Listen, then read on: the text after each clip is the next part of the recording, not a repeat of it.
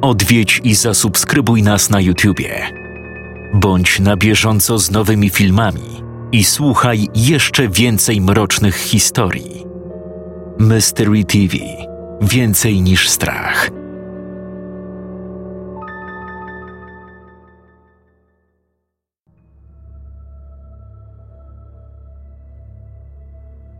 W miejscu, z którego pochodzę, krąży taka legenda. Dotyczy ona po prostu wierzbowych ludzi. Prawie wcale nie potrzebujemy ochrony porządku publicznego w tym mieście. Wierzbowi ludzie zajmują się wszystkim. Każdy krok, każde słowo, każda przelana kropla krwi.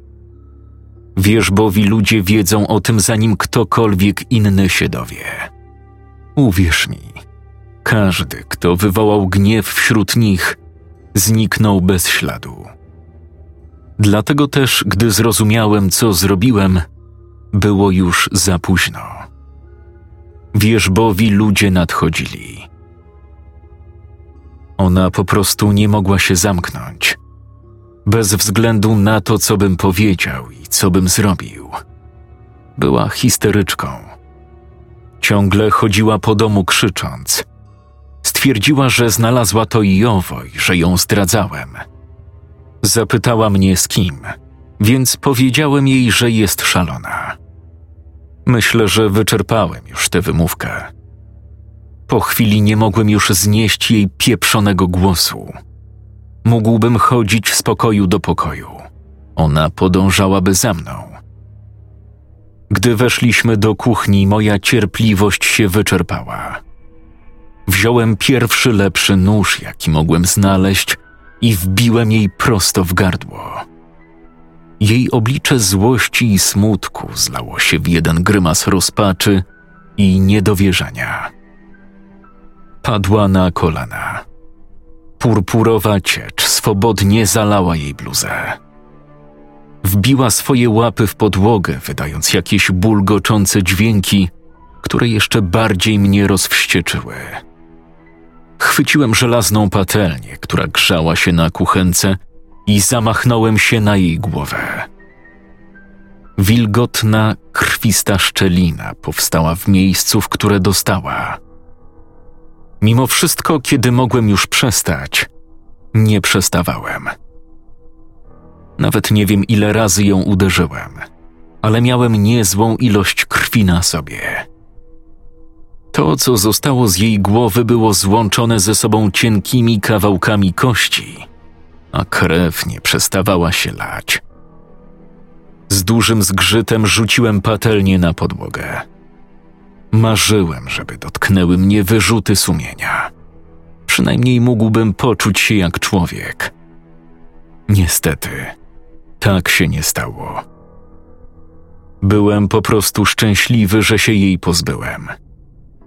Z burknięciem podniosłem jej ciało z podłogi i wciągnąłem na ramię. Jej twarz wisiała obok mnie. Martwe oczy spoglądały z przekonaniem. Mogłem tylko chichotać. Jak tylko znalazłem się na zewnątrz, zrzuciłem zmasakrowane ciało na ziemię i poszedłem szukać szpadla. Wtedy wiedziałem, że mnie obserwują. Słyszałem szepty dochodzące z lasu, a w kącie oka mogłem dostrzec ich śledzących uważnie każdy mój krok. Kiedy patrzyłem na drzewa, widziałem jedynie sękate gałęzie gapiące się na mnie. Wiedziałem, że oni tam są. Zrobiła się szarówka, zanim ją na dobre pochowałem. Byłem cały mokry od potu, co powiększyło plamy krwi na moim ubraniu i pozwoliło im przybrać barwę pomarańczową. Spojrzałem jeszcze raz na drzewa i dostrzegłem ich wyglądających z zapni. Długie, sękate twarze z wydrążonymi oczami i mizerną, nagą sylwetką. Mogłem tylko częściowo dostrzec ich twarze, jako że zdecydowali się schować za ich pieprzonymi, kochanymi drzewkami lecz byłem pewien, że tam są. Obserwują, szepczą. Na co się gapicie, idioci? Słyszeliście ją? Musiałem to zrobić. Wydzierałem się na nich. Czy czekałem na odpowiedź? Sam nie wiem. Po prostu wciąż obserwowali z za drzew. Splunąłem na ziemię i odrzuciłem szpadel. Mogliby mnie dorwać w ciemności, a ja nie mam zamiaru poddać się bez walki. Skradając się, wszedłem do domu i przygotowywałem się. Zastawiłem drzwi komodą i kanapą. Zabiłem wszystkie okna deskami. Jak tylko słońce spełzło za horyzont, wielka obawa narodziła się gdzieś w głębi mojego żołądka. Nerwy ze stali? Zacząłem obawiać się myśli, że zacznę zmieniać się w strugę zimnego jak lód potu. Załadowałem strzelbę i sięgnąłem po butelkę whisky. Wziąłem jeden wielki łyk, a potem następny i następny. Aż w końcu sfrustrowany roztrzaskałem butelkę o ścianę. Jedne, jedyne drzwi pozostawiłem otwarte. Drzwi z widokiem na las. Postawiłem naprzeciwko nich krzesło i usiadłem ze strzelbą w ręku. Wciąż się gapili. Wierzbowi ludzie. Patrzyliśmy tak na siebie przez kilka godzin. W końcu zmęczenie wzięło górę i zacząłem przysypiać. Desperacko starałem się mieć otwarte oczy. Przez głupią sekundę podparłem swoją głowę strzelbą tak, aby nie mogła upaść. Otrząsnąłem się z tego durnego pomysłu i podniosłem wysoko głowę. Ostatnią rzeczą, jaką chciałem zrobić, było zastrzelenie samego siebie. Gdybym wiedział, co potem nastąpi, pewnie powinienem był to zrobić. Zmusiłem się do zostania przytomnym jeszcze przez kilka godzin. Dzień przyszedł i odszedł. Była północ, gdy się zorientowałem. Oni pozostawali za drzewami. Zacząłem sobie uświadamiać, że jeżeli zamknę na chwilę oczy, będę miał wystarczająco dużo czasu, by je otworzyć.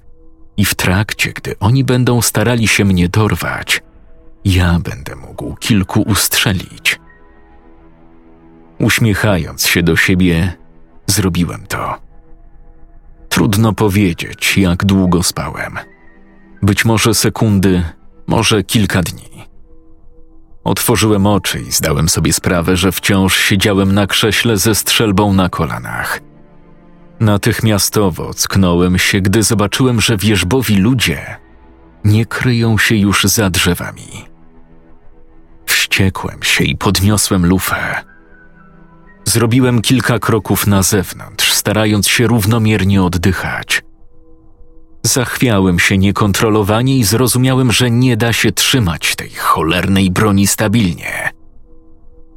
Uspokoiłem się, kiedy nie dostrzegłem niczego na zewnątrz, więc postanowiłem wrócić na swoje stanowisko.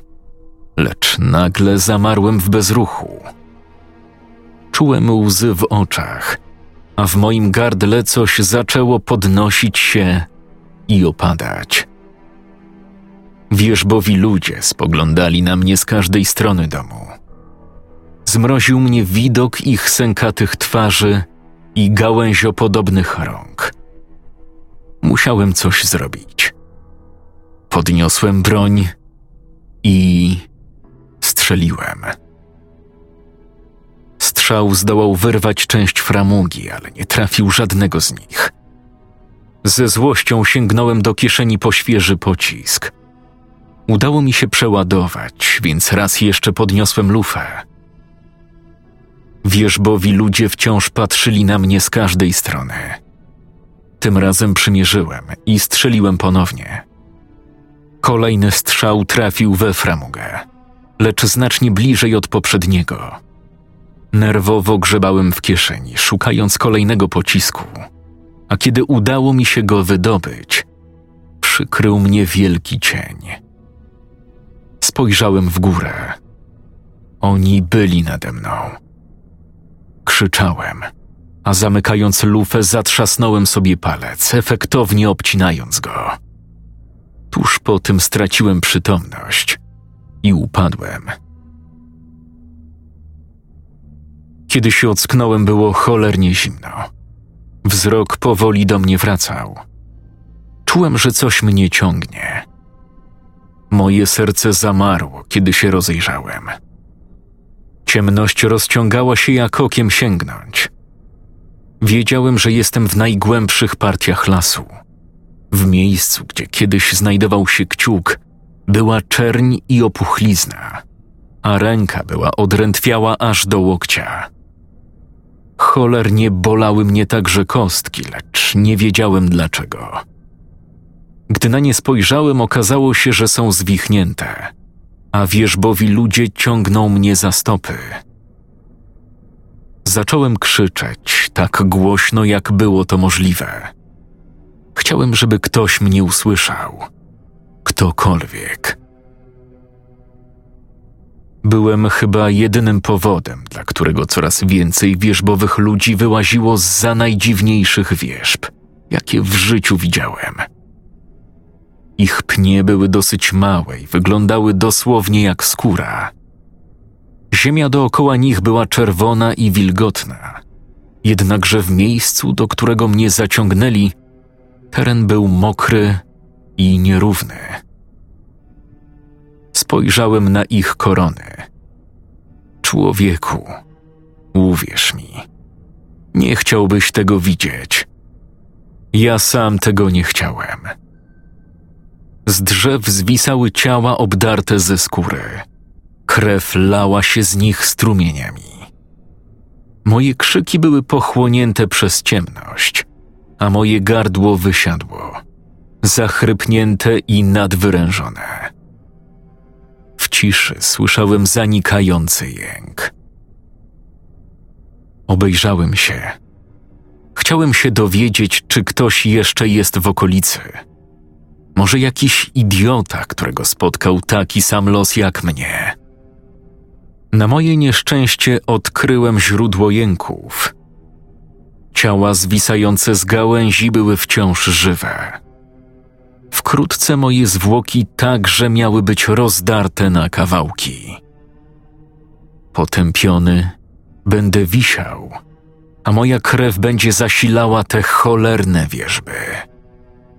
Nie mogłem zrobić niczego innego poza zaakceptowaniem swojego losu. Wierzbowi ludzie dopadli mnie.